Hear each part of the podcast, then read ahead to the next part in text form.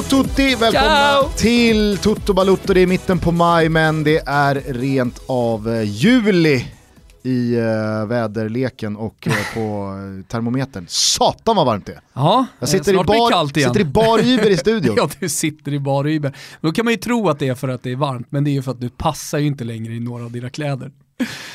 Så är det någon som sitter på några XL-t-shirts så kan du ju skicka dem till Toto-studion. Mm. Får snacka med Top Dog. Eh, hur är läget? Oh, äh, men det är ju faktiskt det, jag vet att vi ska inte hålla på och tjata om det här med vikt och sånt, det är, det är jävligt tråkigt, men, men eh, när det här vädret kommer så vill man ju då gå ut i sin ja, nyköpta skjorta, någon skön tisha som man har, liksom strosa runt lite lätt i steget. Men jag kommer ju då, jag har gått en sån här japansk eh, matlagningskurs i helgen med Sajan Isaksson, en stor, eh, ja, han har esperanto, två stjärnor, Guide Michelin och så här. Hans sista kurs någonsin i, i matlagning. Han kommer aldrig mer, sa han, väl definitivt eh, att syssla med det här. Eh, lite blyg var han, trots att han är liksom en världsartist. Men det gillar man också, för att är väldigt fokuserad på det han håller på med i köket. Hur som helst så, så avslutades hela matlagningskursen med att vi käkade då det vi hade lagat, alla som var där. Och det var 16 jävla rätter. Alltså 16 rätter, varav en rätt bara för att liksom beskriva, det var inte bara så små grejer, utan en rätt var liksom en hel fisk, alltså en hel jävla dorado med tillbehör till. Så jag rullade ju ut därifrån 25 grader i en skjorta då som sprack i, mitt på magen. Ja. Och så kom jag hem till Helena och så tittade hon bara på mig och bara, nej, nu, nu får du göra någonting. Nu är det du som Det går in på neckwear.se. nu är det du som går in på, nej men det, det är också det när man ska beställa grejer. Eh, så, ja men du vill ju inte köpa en ny skjorta utan du vill ju, du vill ju komma i någon, någon slags form. Så jag fick ju då fr- från, eh, från Netwear när jag var inne och kollade på deras storleksguide eftersom vi är sponsrade av dem nu. Eh, och då är man ju tvungen att, att, att mäta sig för att beställa rätt skjorta. Inser ju att man har ju nästan gått upp på en 42. ja. Ja, går det, fort. det är segt, det är segt. Men vi ska inte hålla på och tjata om det. Eh, Du som, ut, var på ut i spåret bara. du som var på matlagningskurs under hela lördagen då, kanske missade en del fotboll och vill veta vad som hände där ute i Europa. Ge mig. Jaha, nej, det var det det. Lite så kändes det när den sista omgången Premier League blåstes av för den här vändan. Gabriel Jesus övertidsforcerade in poäng 99 och 100 för de överlägsna vinnarna i ljusblått. Liverpool gjorde processen kort med Brighton i kampen om den sista Champions League-platsen och Tottenham och Leicester bjöd på ett hejdundrande 5-4 avskedsparty på Wembley som nu återgår till vanlig landskamps och cuparena. Vi vinkar av West Brom, Stoke och Swansea och så säger vi grattis till årets spelare Mohamed Salah som med sina 32 ligamål för säsongen slog alla tiders Premier League-rekord vad gäller antal gjorda kassar. Betydligt mer spännande blir det att följa vilket lag som gör Wolves och Cardiff sällskap upp till finrummet från Championship halvvägs in i semifinaldubbelmötena. Skiljer bara ett mål mellan Fulham och Derby respektive Middlesbrough och Aston Villa. Tänk om John Terry skulle brotta sig tillbaka en sista gång. I Tyskland stannade till slut klockan på Volksparkstadion, men ändå inte. Trots klubbens första degradering någonsin från Bundesliga så ska klockjäveln fortsätta ticka. Nu för att visa hur länge Die Rotenhosen existerat. Ursäkta? Toto säger “Versamt was semt”, vilket är tyska och betyder “jäkla vad tamt”. But still, fuck Bremen. Schalke hade onekligen något på gång den här säsongen och slutade tvåa. Nagelsmann kanske ändå är på riktigt. Tredjeplatsen med ett halvplundrat Hoffenheim imponerar och Dortmund klarade Champions League-spel genom målskillnad på kusarnas bekostnad. Robert Lewandowski gjorde 29 mål, hela 14 fler än tvåan Nils Petersen i Freiburg på 15. I Italien lyckades Inter med konststycket att återigen torska hemma mot sitt boogie-woogie-lag nummer ett, Sassuolo. Sju av de senaste åtta matcherna dessa lag emellan har de grönsvarta slagit Inter. Helt otroligt. Men ändå lever Champions League-chansen för Milano-laget eftersom Lazio inte lyckades slå Crotone. En seger krävs dock i sista matchen och i botten är det teoretiskt faktiskt så att hela fem lag slåss om att undvika den sista nedflyttningsplatsen. Sanslöst. Sanslöst är det också att Barcelona inte längre har chansen att lyckas med det extremt ovanliga och häftiga att gå obesegrade genom en hel ligasäsong. Jag hade räknat in bedriften som klappad och klar när krysset bockades av i förra helgens El Clasico, men i den näst sista omgången blev det till slut lilla Levante som fällde katalanerna. Detta trots att Barca petade in hela fyra mål. 5-4 och veckans påminnelse om att fotbollens vägar alltid är outgrundliga kommer från Levante. Vi avslutar i Sverige där Bayern bara fortsätter att vinna, den här gången med stor hjälp av ett rött kort som bara Mohamed Al-Hakim förstod. Men Hammarbys 22 poäng av 24 möjliga är hur man än vrider och vänder på dem mäkta imponerande. Detsamma kan man inte direkt säga om Malmö FFs poängskörd hittills och den snöpliga förlusten på Tjongavallen mot Hulla blev droppen som fick bägaren att rinna över för Daniel Andersson och övrig sportslig ledning i MFF. Mange Perssons dagar i himmelsblått är räknade och i T-korsningen som nu stundar frågar jag mig två saker. Kommer Malmö hitta rätt? Och vad ska egentligen hända med MP nu?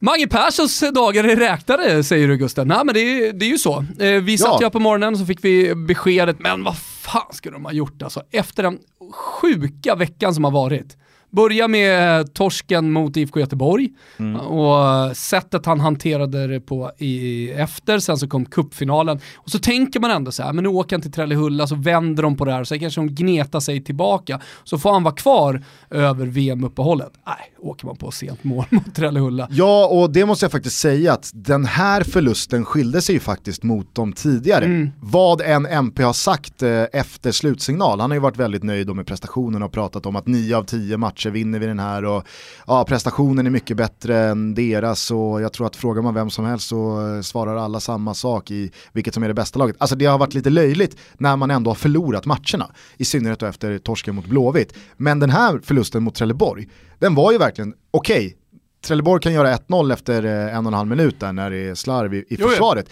Men sen så har ju Malmö ett par helt sanslösa missar. Marcus, Marcus Rosenberg missar ju från en och en halv meter, det är en sån här deflection-skott eh, från samma Rosenberg senare i matchen som går över Marco Johansson, ribba ner på mållinjen. Alltså det, var så här, det är helt otroligt att Malmö inte vinner den här. Sen att Trelleborg går och petar in 1-0 på övertid, det är ju det är dödsstöten. Ja. Eh, så att eh, Nej, men... snöpligt men, som du är inne på, vad, vad, ska man göra? Nu, det är ju fjärde raka. Känslan är ju också, utan att över faktiskt huvudtaget veta stämningen i det omklädningsrummet, att han som ledare för Malmö FF också har tappat omklädningsrummet. Jag säger inte att de går emot här nu som man brukar prata om, alltså när läget verkligen är kritiskt och eh, omklädningsrummet är krossat så att säga. Eh, då har ju till och med spelare gått ut och underpresterat bara för att man vill få bort en tränare. Så är ju säkerligen inte fallet. Den kulturen finns inte inom svensk fotboll. Tror jag i alla fall. Eh, men här handlar det ju snarare om alltså, marginaler ihop med underprestationer då. Eh, och, alltså, dels underprestationer ska också sägas kollektivt, men det leder till att eh, Malmö FF, tycker jag i alla fall, eh, underpresterar också eh, individuellt. Eh, men, men, men som jag säger, alltså, de här spelarna, alltså, med den truppen som de har, så, så är det ju lätt då som supporter och och stå utanför och tycka att så här, jo, jo, men spelarna har ett ansvar, de, de, de, kan i alla fall växla upp. Men det är svårt att göra det när kollektivet inte funkar, för du måste utgå ifrån det. Det är inte bara så att Pep Guardiola gör något fantastiskt med Sterling och så funkar han, utan först och främst måste totalen sitta, helheten måste funka för att Sterling ska vara sådär briljant som han har varit under hela säsongen eh, i Manchester City. Så det får man inte glömma bort. Det går helt enkelt ibland inte att, oavsett vad du har för lag och vilka kvaliteter som finns, eh, att, eh, att ställa de kraven på spelarna när spelet inte funkar. Nej. Sen är det ju lustigt också att eh, hela den här, låt oss säga det, usla veckan, lite drygt, inleddes med att Poja pikade Mange Persson. Så tar vi bort kanterna sa han ju, eh, så har ju Malmö FF inte speciellt mycket att komma med. Det var väl eh, mer det slagkraftiga, Malmö FF har 500 miljoner på banken men ja, slår bara inlägg. Den slår bara inlägg, eh, och tar vi bort det så, så har vi eh, och eh, när, jag menar så här, det kommer ju att bli ett klassiskt citat, någonting att minnas, för efter det citatet så föll allting. Och här står eh, Mange Persson med ett jävligt dåligt rykte skulle jag säga. Ja, och däremellan så går han dessutom på eh, knock mot eh, sin gamla arbetsgivare då, Djurgården, som han hade en väldigt eh, jobbig skilsmässa ifrån. Djurgårdssupportrar har ju envist i ett och ett halvt år hävdat att ja, men det kommer visa sig att Magnus Persson inte är ett bra val för Malmö. Alltså, det var ju extra tungt för honom då att den här cupfinalförlusten sker, inte bara på det sättet utan han också gör det mot Djurgården och sen så åker man på 1-0 mot, mot Hulla på Tjongavallen. Mm. Eh, då kunde inte ens Ponnes support på plats hjälpa. Eh. Nej, och eh, på tal om Ponnes support på plats så, så tänkte jag lite på den faktiskt när någon skickade in en bild då på bortaföljet i Trelleborg när man såg Ponne sitta där på räcket. Eh, vi pratade om Jetatora tidigare i avsnittet jag vet att vi har en del nya lyssnare, bland annat Stefano som jag gjorde matkursen med. Eh, och eh, Jetatora det är ju då en person sänd av djävulen för att bringa olycka över en person. Eh, och då tänker jag då, eh, sen Ponne kom här på cupfinalen så har allting gått åt helvete, att han kanske då är, nu vet jag inte hans track record med Malmö, eh, Svanemar som vi delar kontor med här och ett ruskigt svagt track record med Napoli. Alla de 50 gånger som han varit nere och sett klubben så har de typ vunnit tre. Mm. Eh, jag tror att vår gode vän Rickard Folker har väl lite samma sak med, med Lazio. Lazio ja. Eh, Bara han sätter sin fot på Fiumicino så är två poäng borta. Jag är lite tvärtom, jag är lite turgubben vad det gäller Fiorentina. Men, men i det här fallet då, hur som helst så, så, så måste man ju ändå bolla upp det. Är han, är han jättetore? Ja, han kanske ska hålla sig borta. Eh, det blir i alla fall spännande att se här nu då vad som händer med Malmö. Det har kommunicerats ut från eh, officiellt håll att det blir Daniel Andersson som tar steget eh, ner från sportchefsposten och eh, kör lite dubbelarbete. Man får väl se hur länge så blir fallet. Han saknar ju fortfarande några licenser för att få vara huvudtränare i Champions League-kvalen. Mm. Han får vara i allsvenskan. Eh, med det sagt så kanske han speedar på och löser någon slags quick fix här på två månader innan det är dags för Champions League-kvalet och således kan köra den biten. Mm. Eh, eller så plockar de in någon ny i VM-uppehållet och det här bara är en interimlösning i tre omgångar. Rätta mig om jag har fel bara Gusten, har inte hela tiden planen varit då att Daniel Andersson ska gå klart sina eh, kurser och sen så leda Malmö in i någon slags framtid, segerrik framtid? Alltså det har absolut inte varit någon uttalad plan. Nej, jag menar... Jag menar... Sen så kan man väl eh, misstänka att mellan raderna och hela tiden i, i Daniel Anderssons egna bakhuvud så har det väl säkert varit en plan. Å andra sidan så tror jag att eh, man lär sig en del av att så framgångsrikt vara sportchef i en klubb som Malmö FF. Att fan, det är ganska gött och vara den som sitter bakom spakarna och inte behöver vara den som ska flytta på sig när det har gått emot eh, i eh, en månad här nu lite drygt som det har gjort för MP eller när man kanske får en spelargrupp emot sig som det blev med Allan Kuhn eller som i Åge Hareides fall att om du har gjort en riktigt maxad säsong med både guld och Champions League-gruppspel så kanske det också är så här är det så smart att fortsätta här nu? Men framför, framförallt så känner jag med Malmö FF nu att det är läge att sätta någon slags långsiktigt tänk. Eh, Absolut, att, att jobba strategiskt. Jag, och där eh, tror jag att Daniel Anderssons plats är som sportchef. Daniel mm. Andersson kan stanna i Malmö FF som sportchef i 15 år. Mm. Men Nå, som tränare kan man inte göra det. Nej, men nu, nu, nu går det ju alltid att, att hävda att Malmö FF har gjort det bra i och med att de har vunnit guld här. Eh, men, men, jag tycker inte att det känns som att det finns ett, alltså ett långsiktigt arbete, eh, strategiskt och kulturellt också i klubben för att bygga upp det.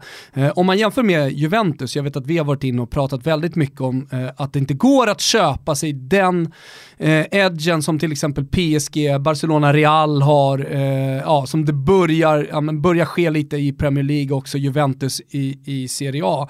Eh, däremot så kan man ju absolut förvänta sig mycket mer. Det jag ser med Malmö, till skillnad då från, bara ta exemplet med Juventus, så har man ju där en ledartrojka som har arbetat tillsammans sedan 2009 med Agnelli, med Nedved, med sportchefen eh, Beppe Marotta och Paratici vid sin sida. Eh, de har sedan ar arbetat just strategiskt kulturellt i klubben klubben, hur arbetar vi? Allt från ungdomsled, uppåt, värvningsstrategi och så vidare. Och så vidare. Jag känner att den enda klubben som har gjort det långsiktigt riktigt riktigt bra är Östersund, än så länge. Sen så att de går skit nu, okej, okay, de kanske, mm, ja, de, de nådde i alla fall till toppen genom att arbeta på det sättet. Vad som händer med Östersund nu, det har jag ingen aning om. Däremot så var det just det där strategiska, långsiktiga sättet att arbeta på som jag tror, eller, eller som jag är säker på betalade sig. Vad gör Malmö nu? Det är det de måste göra, snarare än att tänka kortsiktigt, utan liksom göra ett stort jävla arbete i klubben mm. för att bli då ett Juventus, ett PSG. För det kommer inte räcka med pengarna, det är det jag menar. Nej, verkligen inte. Och sen så är det ju också så att Daniel Andersson för första gången nu eh, ifrågasätts som sportchef och vad han har uträttat eh, de senaste två fönstren. Jag menar, han har redan eh, fått tugga en hel del skit för värvningarna av eh, Bonk Innocent. Sen så är det väl inte Daniel Anderssons fel att eh, Kingsley Sarfo eh, har sysslat med vad han har sysslat med utanför plan. Men sen då, då, så har han ju dessutom plockat in en del spelare som inte kommer generera något klirr i kassan i någon slags försäljningspeng. I Johan Dahlin, i Berang Safari, Christiansen skrev ju förvisso på ett femårskontrakt och då tänkte man att okej, okay, shit, Malmö spänner verkligen musklerna och kan behålla en av Nordens absolut bästa spelare eh, och, och, satsa på honom när han är i, i, sin bästa ålder. Men när han skulle gå så kände man också, då får nog en belgisk klubb hosta upp. Men det verkar ju ha handlat om 8-9 miljoner. Samtidigt, ja. jag, jag, jag menar bara att Lägger du, lägger du där till att Tinnerholm har lämnat på free transfer, att eh, Wolf Eikrim har lämnat på free transfer, att Berget har lämnat på free transfer. Jo, det, eh, de.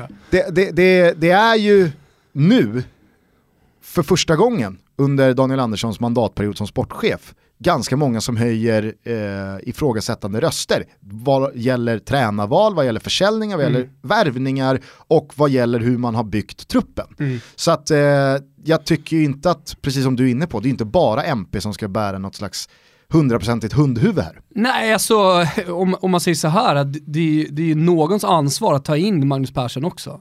Eh, återigen, vann ett guld. så jag menar, ja, den här säsongen är fortfarande i sin linda, sen kanske är så att de har kommit för långt efter eh, för att topplagen är för bra, jag har ingen aning. Det är en eh, jävla men, match på onsdag. Men om det visar, om det, om det, ja det, ja men, alltså, Bayern har Malmö-Gnaget. Ja, ja, men alltså Bayern vinst på onsdag, då är det 14 poäng. Alltså, ta, ta Bayern 6 poäng här nu, då vinner de guld. Så, så, rakt av. Nej men det, det jag skulle säga är att det, det, går fortfarande att reparera den här säsongen, det är jag helt övertygad om. Plus att ett stort mål till exempel är att komma in i Champions Leagues gruppspel. Skulle det dessutom visa sig eh, vara lyckosamt att eh, sparka MP nu kom, och eh, Daniel Andersson själv vänder på det här, ja men då kan man ju prata om att det också är ett bra eh, sportcheferi och, och eh, bra agerat av honom. Mm. Eh, men som jag återkommer till återigen, alltså så här, Malmö bör nog eh, kolla över hur man ska, fundera, eller hur man ska arbeta långsiktigt. Eh, och det är ett jävla stort arbete. Jag, nu, nu har jag som sagt inte superinsyn, men känslan i alla fall, när jag pratar med, med folk som har det eh, och med supportrar eh, som, som eh, ser alla matcher från nära håll, eh, så känns det, så, så är känslan i alla fall att de, att, att, att de vacklar lite för mycket i besluten och att de är lite för kortsiktiga. Att de hela tiden känner av lite med kniv mot strupen, vi måste vinna SM-guld, vi måste vinna SM-guld, vi måste in i Champions League. Eh, att nå de här kortsiktiga eh, siktiga resultaten gör att de inte riktigt har andrum och ger sig själva tid, vilket är ett stort problem inte bara inom eh, klubbar utan många organisationer, att man, att man ger sig själva tid att, att faktiskt göra ett större arbete eh, bakom för att lyckas långsiktigt. Jag läste en väldigt lång och väldigt intressant rant från en, vad jag vill minnas, anonym eh, Malmö-supporter i helgen. Eh, nåddes du av den också på Twitter? Nej. Eh, jag hade gärna creddat det här kontot om jag hade kunnat hitta den, men den har försvunnit i mitt flöde. Hur som helst så hamnade den, handlade den här ranten om att han som Malmö FF-supporter höjde rösten och verkligen sa att framgångarna de senaste åren har fått mitt supporterskap att trappas av. De där extrema framgångarna med i synnerhet då Champions League-gruppspelen och så som han uttryckte då, en del överprestationer som tog Malmö till en nivå där man kanske egentligen inte hörde hemma, fick klubben att bli någonting annat än det han alltid har älskat och han alltid har velat vara en del av utan det har blivit så ultraprofessionellt och så oerhört resultatinriktat och en förlust eh, hit eller en förlust dit gör att man målar fan på väggen och det börjar storma och det är åsikter från alla olika håll och helt plötsligt så ska folk ha åsikter kring det som ingen brydde sig om för bara 6-7 år sedan mm. när Malmö FF inte var den förening man är idag i då ställning gentemot andra svenska och nordiska klubbar och sådär. Att han tyckte att det har, gått, det har gått någonting så eh, vitalt förlorat längs en väg som är kantad av i princip idel framgång. Mm. Och det var ganska intressant nytt perspektiv mm. på Malmö FF och dess supporter. Jag säger inte att den här personen är talesman för exakt hur alla Malmö FF-supportrar känner, men det var signifikativt för den perioden Malmö FF dels är inne i just här och nu, mm. men också att det finns någonting i en framgång över tid som inte bara behöver vara klang och jubel och att det är julafton 365 dagar om året, utan han sa liksom att Nej, men helt ärligt, jag kan idag hellre åka på en bortamatch i en minibuss med mina kompisar och sen så behöver inte jag ens gå in på arenan. Utan jag kan stå där utanför i tre timmar och sen så åker jag hem när matchen är slut. Jag skiter i hur det gick, eh, för att det som sker på planen, det som sker på läktaren och det som det snackas om kring klubben, värvningar, eh, supportrar, diskussioner grupper emellan, diskussioner, sportslig ledning gentemot supportrar. Det är så här, jag pallar inte med det här längre. Mm. Det, har blivit för, det har blivit för mycket liksom. Det har blivit för mycket av det som jag inte vill ha eh, i mitt supporterskap till en svensk fotbollsklubb. Jag tyckte det bara var intressant, mm. det finns säkert någon som kan hjälpa till att eh, skicka in den här ranten i hashtaggen Totobalutto så kan folk läsa in sig på det här också. Det var, ja, det var ett eh, befriande perspektiv att mm. få på hela den eh, storm som har blossat upp kring Malmö FF. För att det har varit jäkla mycket eh, mungipor uppåt och man tänker att när ska solen gå ner för Malmö FF? Får vi se vad som händer, spännande blir det i alla fall. Hörru du, eh, man hade ju en bra helg, det måste man ju tillstå när vädret var som det var. Man käkade gott, mådde kanon på månaderna. Men helgen var ju inte lika bra för mig, eller för dig misstänker jag, som den var för Martin från Borås. Äh, helvete. Det var, ah, när, jag fick, när jag fick reda på det här på morgonen, hur hans helg hade varit spelmässigt då och i Toto-kuppen så var det ju bara, ja, det är bara gratulera va Gusten. Ja, verkligen. Vi lyfter på hatten och säger grattis till Martin som alltså vinner Toto-kuppen genom att i sin lilla fredag, lördag, söndag snöboll dra in 31 000 Herregud, alltså på en singel som inleddes med 100 kronor så han snöbollade han upp den till 31 000. Allting satt fan! Ja, men det satt hårt inne. Odense gör eh, mål i 97 minuten ja. och det är det som frälser honom, inte bara då ekonomiskt utan hela vägen till den stora ryska björnen och den svenska öppningsmatchen i sommarens fotbollsfest. Ja, stort grattis och stort tack också till alla som har varit med. Eh, vi förstår ju att det här är kul, det tycker vi själva också, så ja. vi, vi, räknar ju med att köra fler kupper vad det lider. Och ett lika stort tack till Betsson som ja. har varit med och orkestrerat hela kuppen och rättat allas kuponger och mm. sålt bollat i hashtags och mm. pushat eh, och... Ja, och varit generösa i priser. Ja, verkligen. Så att eh, Toto-kuppen kommer med all säkerhet tillbaka eh, då för tredje gången och vi lovar att eh, vi kommer göra alla er varse om det när det väl är dags. Tack till Betsson. Den här veckan rullar vi på med Toto-tripplarna. Som vanligt, tack Betsson. Jag tyckte det fanns en hel del annat i svepet som vi måste beröra. Vi har en liga som har gått i mål, bland annat. Ja, tänker på Premier League? Ja, det gör ja, Det var ju dock som jag inledde. Jaha, nej, det var det. Nej, men jag det, vet inte det, riktigt om nej. det var så jävla mycket som hände i helgen som var... Nej, kanske inte som hände i helgen, men däremot så finns det ju anledning att liksom stanna till kanske lite och blicka tillbaka på den säsongen som har varit. Alltså, jag är inte så här jättemycket och jag tror inte att det är jättekul att lyssna på heller, att så här, summera, komma med listor, vilka har varit bäst, men man kan ju trots allt konstatera en del grejer. Eh, första grejen som jag tänkte på i helgen, det var Manchester City Citys eh, totala förnedring av alla andra lag. Man når sina 100 poäng till slut. Men man känner inte den här eh, enorma euforin som jag tänker att man borde göra.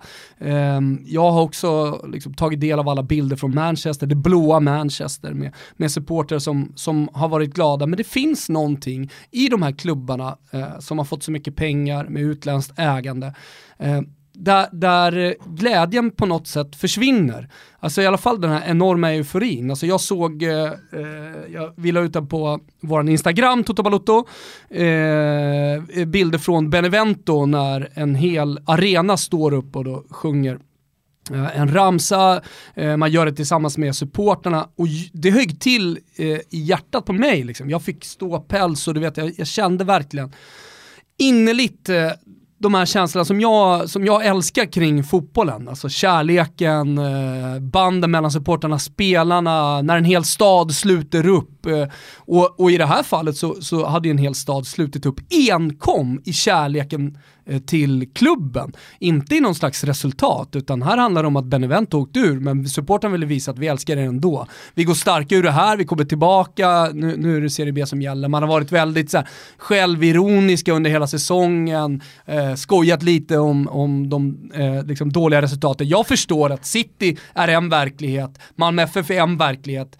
Eh, eh de kommer liksom inte stå och jubla när, när de förlorar. Och Benevento är en annan som gör sin första säsong i Serie A. Det, det, det enda jag menar är att så här, fan, jag, jag återkommer till det här hela tiden, att man söker de genuina känslorna. Eh, det är klart någon kan vara glad, lite berusad och sjunga, men du känner direkt när det är genuint och när kärleken kommer liksom hela vägen från hjärtat.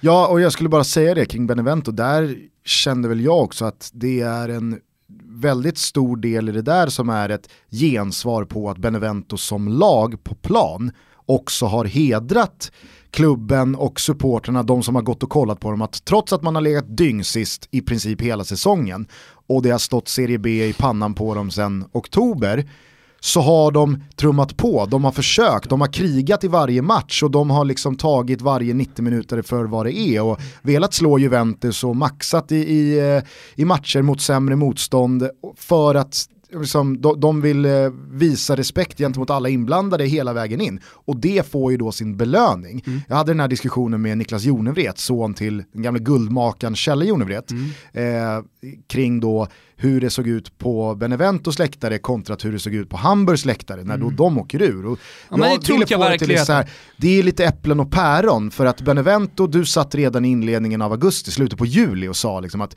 Kommer inte Benevento sist i Serie A så heter jag Urban. Så heter jag Urban, för de har knappt en spelare som är Serie A-mässig. Eh, de debuterar i högsta ligan, de har ingenting här att göra och de kommer få skylla sig själva när de går in i den här säsongen med den här truppen som de har. Ja men det blir ju, för dem så, så blev ju Serie A i år lite som gruppspelet i Champions League blir för ja, men en klubb som typ Malmö FF för att fortsätta liksom hålla dem relevanta i det här avsnittet. Exakt. Att det blir, fan vad coolt vi möter Juve, fan vad coolt vi möter PSG och ja. så vidare. Men för en klubb som Hamburg, som alltså har, som eh, förvisso för ganska många år sedan, men som har varit på toppen av eh, liksom herraväldet i fan världen mm. en gång i tiden, som är en av Europas 20 rikaste klubbar, som har nästan ja, sex... rikaste är ju en, men, men alltså... Nej, men som har nästan 60 eh, 000 människor på eh, sin läktare vecka ut och vecka in i en av Tysklands största städer, som har en, liksom, enorma förutsättningar att göra någonting bra av sin klubb och att man i fem års tid har liksom duckat de här kulorna som är eh, en uråkning och en degradering ner till Zweite. Ja. Men ändå inte får ordning på det utan fortsätter gå in i nästa säsong med fel tränare uppenbarligen, med en fel trupp uppenbarligen, med liksom inga lösningar på Eh, Nej, men det, det är en klubb som har misskötts under en lång tid och, och det kulminerar då ner, ner, i den sista matchen. Och när, när man, det står klart att de åker ur. Exakt, och hade Hamburg någon gång av de här säsongerna kommunicerat utåt att hörni, vi får nog ställa oss in på att eh, vi åker ur. Mm. Eh, för att vi är inte bättre än så här. Det, det, det, kommer bli en kamp om nedflyttningsplatser mm. och förmodligen så kommer det bli jävligt tufft för oss. Det har ju heller aldrig kommunicerats ut. Nej. Utan trots de här idel pissiga resultaten så har det snackats om Europa under sommaren efteråt ändå. Mm. Nej men vi är Hamburg, vi är die Rotenhosen. Mm. Alltså vi, vi, vi ska... Det är ju inte Rotenhosen. vi har i Europa League att göra ja. och så ser det ändå ut sådär. Så att det blir ju ja, verkligen men, äpplen och päron att, nej, att Hamburg-supporterna till slut efter fem års jävla piss Det är det jag menar, alltså, till och med på Lackar. den här nivån. Jag pratar om Malmös liksom, eh, någon slags långsiktigt arbete, strategiskt, kulturellt och så vidare. Men även i de här stora klubbarna så fallerar man. Eh, I organisationen, sättet man arbetar på. Eh, och, och det är alldeles för kortsiktigt. Om jag är helt övertygad om, det är klart att fotboll är resultat och de måste komma. Om, det, om, om, om man förlorar fem matcher i rad, men då är det lite minikris i klubben, speciellt om du har en annan, en annat mål. Men om man, om man kommunicerar på rätt sätt, om man är öppen också med, med eh, vad som är liksom målsättningen och sättet man arbetar på och så vidare, då tror jag inte att man hamnar där, utan då blir det snarare som liksom i Beneventos fall. Det är klart att du skulle, få, du skulle kunna få protester eh, i även de största klubbarna, låt säga liksom Bayern München kommer fyra, eh, men det skulle aldrig bli på det här sättet. Alltså här är ju eh, en relation, skulle jag vilja säga också, till supporterna som, som har misskötts. Och då tycker jag att eh, en, en alltså den här typen av protestation är fair. Alltså. Ja, och sen så var det någon som skrev till oss eh, igår tror jag att eh, så här, ah, men kan ni inte berätta varför ni tycker det är så coolt med planstormningar? Det är ingen som cool. tycker att det är coolt eller Ingo häftigt eller beundransvärt, utan jag, jag, jag, tror att det finns bara en, en en, eh... På Folkparkstadion Gusten, ja, så pågick de här protesterna på exakt. olika sätt. Det, det stod eh, gubbar och gummor på, på långsidorna och skrek eh, tyska svordomar. Kanske skrek de “Scheisse!” Eh, kanske skrev, skrek de någonting annat. Eller Vad skrev de kanske Versamt, varsent? nej, nej, det tror jag ändå inte Gustav. Versamt, varsent? det går inte. Nej. Nej. eh, ja, men det är deras sätt att protestera Versamt! Vassent! Danskar det där. Ja, eh, men, men du har, du har, och sen så har du den, den supporterkultur som råder på kortsidan. Eh, och vi har varit inne på det här flera gånger, det finns saker som inte är så vackert med den supporterkulturen. Vi försöker bara men förstå. nitarna på jackan och punkdunken, den ska vara kvar. För annars så tar det död på hela supporterkulturen. Och det är inte värt att ta bort det. Nej, och, och vi vill ju härifrån liksom förstå och förmedla. Inte dunka i ryggen och säga fan vad coolt. Verkligen inte. Skicka en banger ner i en barnvagn också. Det, ja. är, det är jävla Så långt mäktigt. ifrån, men det här måste man ju förstå, eh, här måste man ju förstå perspektivet va. Så är det. Eh, tillbaka till eh, svepet, för det finns lite godis där. Eh, hur tycker du din stängning av Premier League gick? Kittlade inte riktigt om den. Nej. Vi kanske bara ska skippa den sista omgången i Premier League. Nej, men jag tänkte, nej, men, eh, helt ärligt så jag började ju prata om Manchester City som ja. någon slags summering. Att jag, jag tycker att eh, Premier League generellt sett som liga har tappat, eh, tappat mig lite eh, under den här säsongen. Jag eh, tror och det var väl, det var väl snarare alltså det jag vill inleda med Manchester City och sen så eh, försöka ta sig vidare. Jag uppskattade Leeds extremt mycket. Jag hade jävligt kul där. Men ju högre upp du kommer i, eh, i Premier League, eh, desto mindre av de här genuina känslorna finns kvar. Ja men herregud, sen så tror jag, och jag att det är Jag vet att, det här är någonting om. som man pratar om hela tiden, Erik Niva sitter här i, i julas och pratar om den här dystopiska framtiden, vi återkommer till den hela tiden. Men, men, men jag tycker att det, det, det, det är på sin plats när man summerar Premier League som ändå är världens dyraste liga att eh, påminna sig själv om det. För jag menar, alltså, det är ju de känslorna som jag lämnar Premier League-säsongen med. Absolut. Starkast i alla fall. Och sen Men... så går det alltid att ta ut årets mål, och gå ut årets great escape eh, och så vidare. Det finns saker med Premier League som såklart fortfarande är jättevackert. Men ligan tappar mig lite. Ja, men det tror jag också har en väldigt naturlig förklaring i det faktum att den var avgjord rent poängmässigt för flera månader sedan. Och det tror jag man kan applicera på vilken liga som helst. Skulle Malmö FF, Inte bara. Skulle Malmö FF vinna SM-guld i omgång 23, ja då är det klart som fan att de sista sju omgångarna blir mycket mer av en gäspning än när det är ett tight race hela vägen in på målsnöret. Såklart. Där tror jag jag pratar så här breddmässigt absolut, men för min del personligen så spelar det inte så stor roll när jag nu summerar det med eh, de känslorna som jag har. Ja, jag är inte lika säker. Hade det varit ett tightare race mellan United och Liverpool ja, men Det har inget med det att göra, det är två olika bara, saker. Nej, men jag tror bara att det hade genererat en större eh, entusiasm kring Premier League som liga. Jo men nu pratar du eh, alltså, brett tänkt i världen, i Sverige och så vidare. Jag pratar ju bara om mina känslor kring den här ligan. De hade inte, de hade inte ändrat på sig bara för att det hade varit ett tajtare titelrace. Nej, nej, för det är fortfarande samma genuina känslor som förmedlas. Ja, ja. Eller eh, icke-genuina känslor i det här fallet. Då. Ja. Eh, hur som helst så tror jag det dessutom eh, är eh, oundvikligt att i Manchester Citys säsongssummering inte färgas av att man dels åker mot Wiggen i eh, FA-cupen Eh, väldigt snöpligt och där missade liksom ytterligare chansen på att eh, vinna en trippel, eller då fanns det väl fortfarande chansen på en kvadruppel. Eh, men också uttåget mot just Liverpool i Champions League. Det blir trots, jag vet att både du och jag har summerat Premier League med massa awards, du på Expressen och jag på Fotbollskanalen.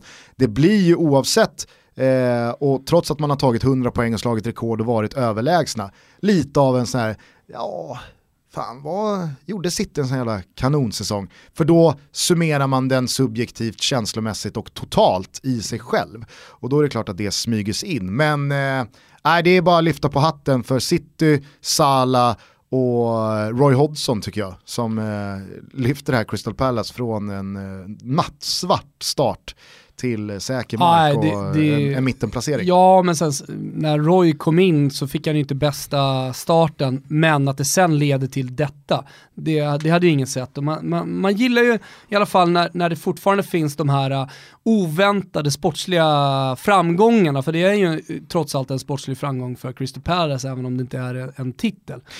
Barca då, 36 förlustfria ligomgångar, man har klarat av alla svåra tuffa hinder, man löser till exempel då 2-2 mot Real Madrid med en man mindre i mer än en halvlek och håller den där förlustnollan eh, intakt. Och för mig kändes det verkligen som att Barca trots det snöpliga uttåget mot Roma i Champions League, mm. hade liksom med en kupptitel och eh, ett avsked av Andres Iniesta med en obesegrad ligasäsong faktiskt eh, understrukit eh, en, en fenomenal jävla genomförd säsong. Mm. Och verkligen en maktdemonstration av ett lag som i många, många år har varit ett av världens bästa lag, kanske världens bästa lag någonsin också. Mm. Nu blir det lite mer av en bubbla som sprack lite. Jaha, nu lämnar in gästa, eh, det såg ut som det gjorde mot Roma i den där returen, Messi blir inte yngre, vad ska det lite bli av Barca nu? Alltså, kommer de kunna hämta sig och ta upp kampen med Real Madrid och med City och med Bayern München och så vidare? Jag vet inte. Och det är helt sjukt att en förlust hit eller dit gör det med ens känsla kring ett lag. Men jag vet inte vad du kände när, när du nåddes då av, eller såg du kanske rent av matchen?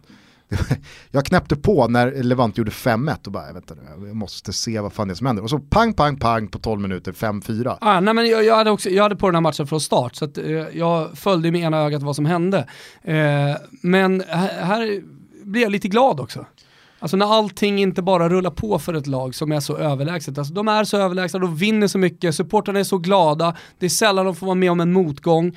Eh, nej, men då, alltså jag tror att det är bra för dem support, jag tror att det är bra för Barcelona om det här nu är säsongens motgång förutom då eh, uttåget ur Champions League i semifinalen, självklart, men om, om det andra är att de inte vinner varenda jävla match i ligan. Säga, Ni tog en dubbel. Cupguld och ligaseger, ryck upp er hörni. Ja, exakt, Barcelona-supportrar är ledsna idag. Om Barcelona-spelaren kommer in i omklädningsrummet och slår näven i bordet och bara Fuck it, jag var så jävla nära en invincible säsong. Det kan jag köpa ändå. Ja. Men, men återigen, så här, finns det genuina glädjescener i Barcelona efter den här eh, ligasegern? Man brukar kalla för Juventus-supportrarna för Gobbi. Liksom. De har vunnit så mycket under, under, under årens lopp att de blir mer och mer krökta i ryggen, liksom, så de, eh, de blir gamla gubbar. Eh, jag, jag, såg någon bild eh, nu eh, på något eh, Instagramkonto som jag följer då från flygplatsen i Neapel när Napoli kommer hem efter segern mot Juventus på bortaplan och helt plötsligt så ligger liksom scudetto-striden öppen, eh, ja men det, det, är en historisk seger och alltihopa. Eh, sen åker de eh, ju till Florens och, och torskar allting enligt Sarri på hotellet i Florens där eh, fokus inte skulle ha varit, eller inte var som, som det skulle ha varit. Eh, hur som helst så, så jämförde de då de här glädjescenerna på flygplatsen där det står tusentals Napoli-supportrar och hyllar laget som kommer hem, också för att ge dem eh, en liten knuff i ryggen inför kommande matcher. Och så ser man liksom piazzan igår, efter det står klart då att de matematiskt har vunnit ligatiteln i Turin. Där det är så här, 80 pers, nu vet jag inte om det slöt upp folk sen, det är i alla fall den bilden jag såg nu, som ja, står på stå på arenan och du vet, man, man, man får någon bild och, eller man får en liten video från vår eh, vän från El Salvador som sjunger eh, Forza Juve, Storia di un grande amore. That's it alltså! Ja. Och jag, det, det, är tråkigt, det är tråkigt när de genuina känslorna försvinner. Men tänkte du på att... Forza eh, Benevento alltså. Tänkte du på att Serie A återigen avgjordes på Olympico? Det är, Nej, det helt, det är helt otroligt. Alltså jag har inte i huvudet men någon kan säkert hjälpa mig med hur många gånger på 2000-talet en ligatitel har matematiskt avgjorts på Stadio Olimpico. Det, det, det måste vara, nej, jag vet inte, lätt tio gånger. Mm. Men det är ändå inte sjukare att Sassuolo har slagit inte sju av de åtta senaste Speciellt matcherna. som typ matchen innan de börjar eh, den här förluststreaken så torskar de ju med 7-0 om man tänker att sassarna, de åker raka spåret eh, till Serie B. De har Serie B skrivet i pannan, liksom Benevento hade i år. Det tänkte man ju i alla fall i det läget, men eh, ja, sassarna är kvar. Men Inter fortsätter att förlora. Skulle nu Real Madrid gå och vinna Champions League-finalen mot Liverpool och alltså ta sin tredje raka Champions League-titel, då kan vi väl konstatera att det här var en jävla skitsäsong för Barca. Det blev bara en ligaseger och en cuptitel. Ja. Fy fan vilket Ja, vi ser jävla fram emot nästa säsong. pissår alltså. Ja, nya miljardspelare. Du vet att man kan höra av sig till oss. Ja, Eh, Det är väldigt många som gör, både via mail, totobalutta.gmail.com, men också på sociala medier och främst då kanske Twitter där vårt konto heter totobalutto. Precis som på Instagram, svara. Mm. Facebook och sådär. Eh, Då var det någon eh, som hörde av sig till oss eller mig i helgen och eh, skrev, hörni ni, fan jag efterlyser lite mer snack om Örgryte. ÖIS, en av Sveriges mest klassiska fotbollsklubbar som har inlett superettan på ett alldeles strålande sätt, men som knappt har omnämnts i vår podd. Och då känner jag så här, ja, Fair. fair enough. okej. Fair enough, så här kommer en eh, liten update på Örgryte idrottssällskap och vad de sysslar med här nu under våren 2018. Eh, man har spelat sju matcher i Superettan, man har tagit sex segrar, en oavgjord och noll förluster. De är rena rama Barca de här.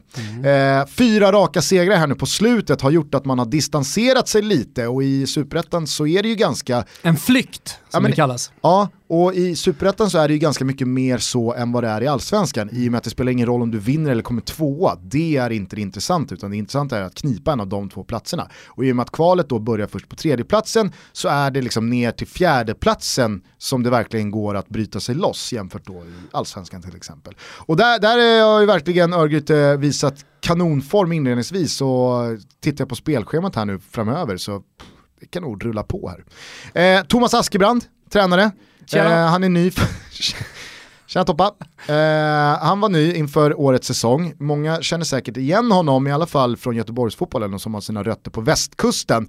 Eh, från hans tid i Gais gjorde en uppmärksammad vända där. Men- GGG! Åh, åh, åh! I! I, i, i, nej, fan. Jag tänkte att jag skulle komma in med min åt helvete. Vad sämt.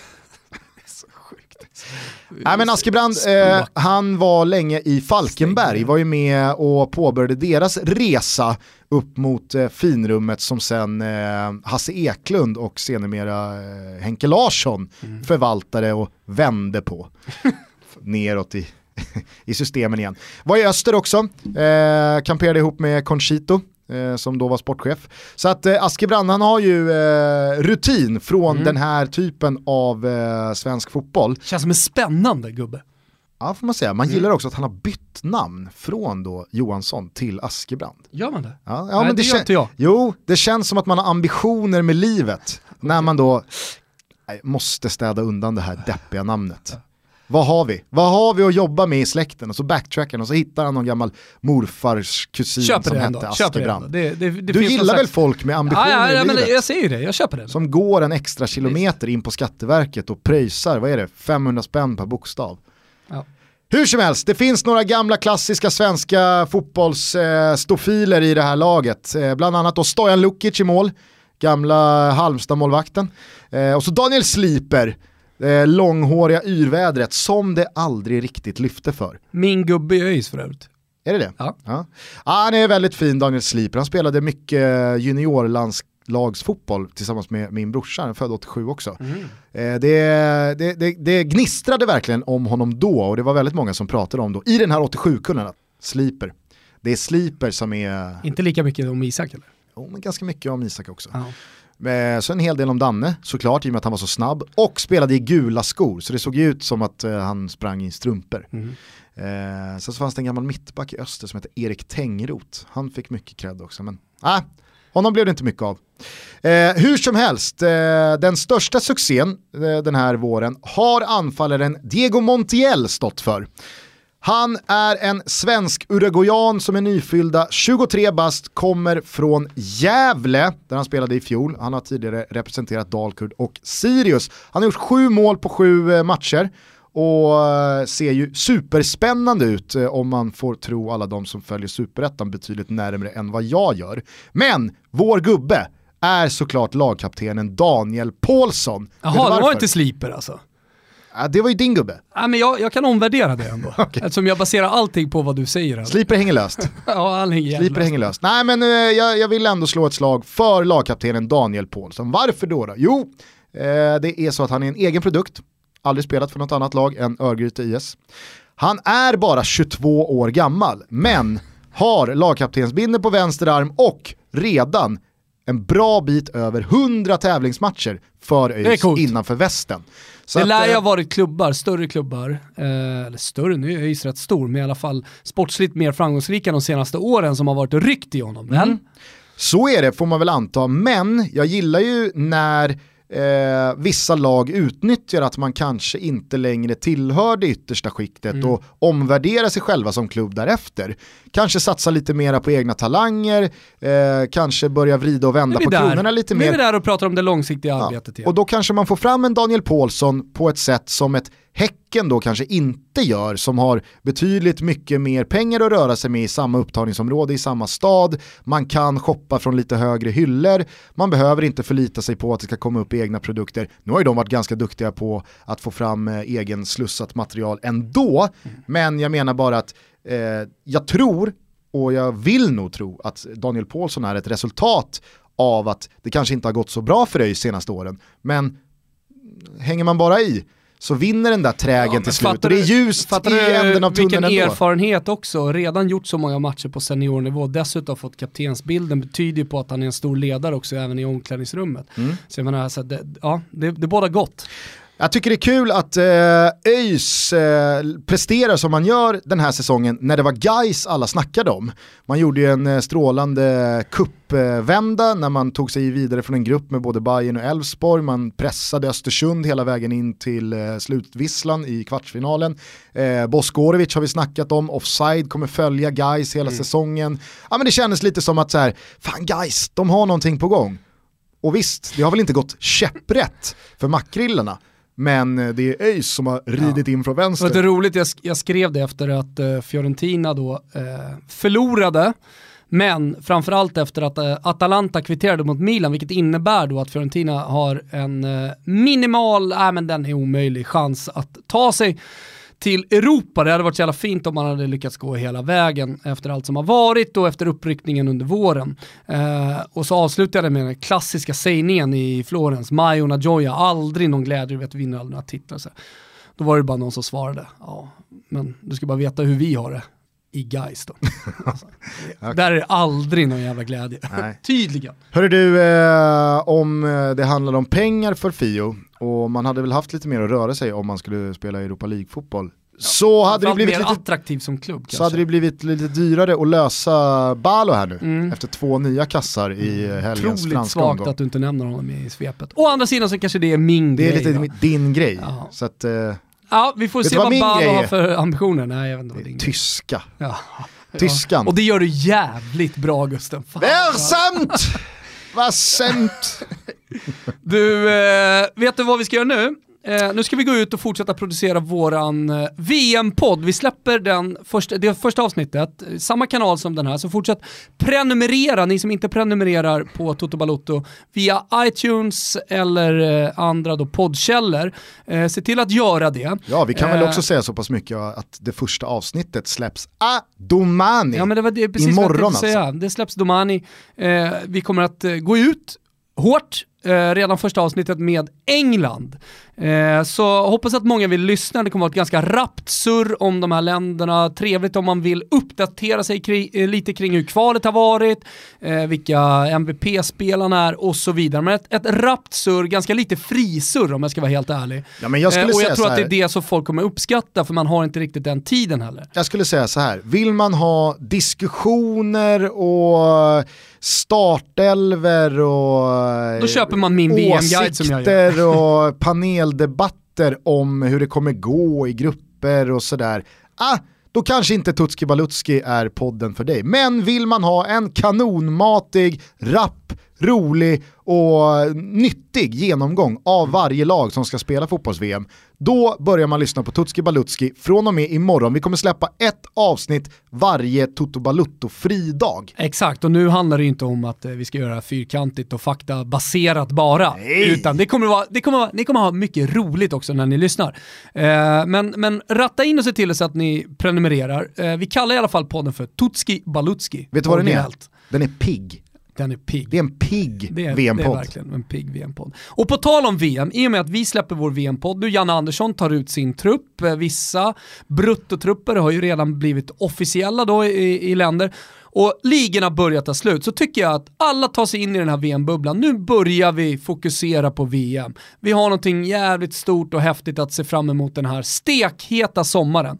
Och vad ska man göra då bäst för att komma in i den här VM-bubblan? Jo, man går in på totobalutto.se, klickar sig vidare till vårat sommarevent. Vi kommer att eh, ha 16 tillfällen på Hotell Kung Karls festvåning nere på Stureplan, eh, där vi bjussar på käk, eh, vi kommer kolla på matcherna, vi kommer ha quiz, vi kommer stå på scen och göra ett litet mini-Oscars, vi kommer garva tillsammans med er. Vi kommer dela Eh, ut kanonpriser. Ja, det kommer dela ut. Man har fem lax per dag från Grand Frank. Max eh, 100 pers varje dag, som sagt, 16 tillfällen. Se till att säkra en plats genom att gå in på totobalutto.se. Eh, det kostar inte speciellt mycket pengar eh, och vi tror att ni kommer få förbannat jävla kul.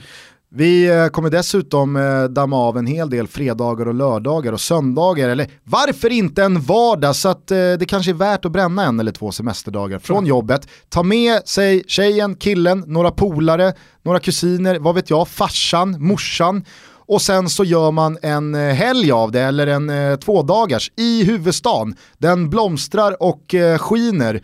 Så att eh, lägg vantarna på era biljetter, Mm. välj några fina matcher. Vi har bara valt ut godiset. Börja till exempel då med Spanien, Portugal. Så jävla Fredag fin 15 premiär. juni. Ja, Ja. Det är en kanon. Och så kör vi hela den första helgen. Fredag, lördag, söndag, måndag. Där måndagen är Sverige-Sydkorea Som en slags 14.00. kulmen på, på ett fyra dagars race där. Exakt. Tutto-VM har vi valt att kalla hela den här månaden så att eh, in och joina oss. Biljetterna hittar ni via totobalutto.se. Nu tycker jag att vi dammar av en av de mest klassiska ungdomslåtar jag någonsin har nåtts av, nämligen YouTube-pärlan Sommar med eh, den otroligt obskyra, även för eh, svenska hiphop-fantaster, S1. Aldrig hört. Nej, jag vet att du aldrig har hört den. Och jag tror att många inte har hört den här låten, men det Jag här hade är... tänkt föreslå Redemption Songs. Nej, det här, är, Nej, okej. det här är en jävla diamond in the rough. För att eh, det, det snackas ju om 30 grader i veckan. Ja. Herregud, nu åker shortsen också. Ja. Versamt! Ha det så bra alla. Samt. Och tack så jättemycket för att ni lyssnar. Eh, tack till alla som bokar biljetter och, och är med oss inför detta mästerskapet hörni. Och så hörs vi redan imorgon då med våran eh, Tutski Balutski VM-podd. Ciao tutti! Ciao tutti! Det är sommar.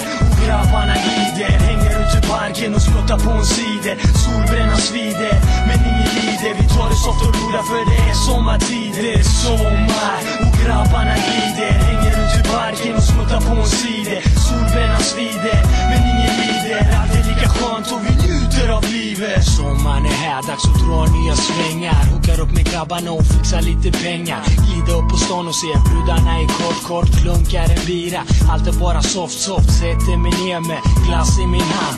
Ibland kan det vara underbart att bo i detta land. Utanför slottet, hövattnet forsar. Det är såna stunder man inte har allt för ofta. Bara softa, känner svetten rinna Skit i allt och låt tiden försvinna. Sitter hela dagen, blöt på min mage. Drömmer om fåren som hoppar runt i hagen.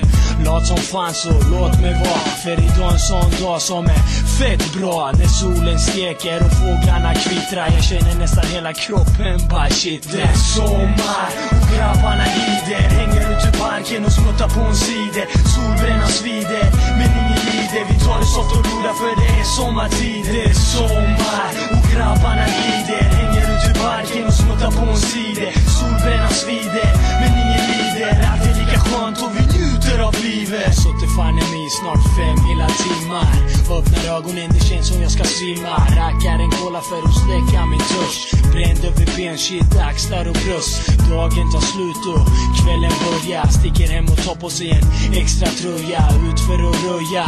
Festa loss med polarna och brudarna. Bara släppa loss. Vi möts i hästhagen och tänder på en brasa. Ah, Det är för full och får elden att rasa. Spelar ingen roll för han är känd för att knasa.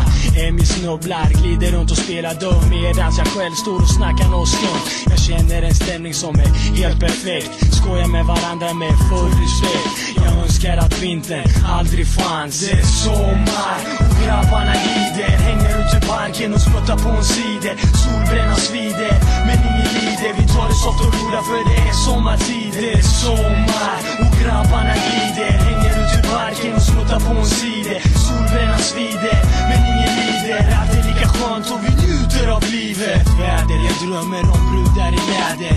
Halvt nakna, nästan utan kläder. Har exakt vad en kille kräver Så ni som gräver, sluta med det. Glida upp på stan och bara kolla. Bruden där borta, hon är tufta som bollar. Vågar du testa en fjolla? Rädd för att bli nollad. Skitsamma, för det är sommar.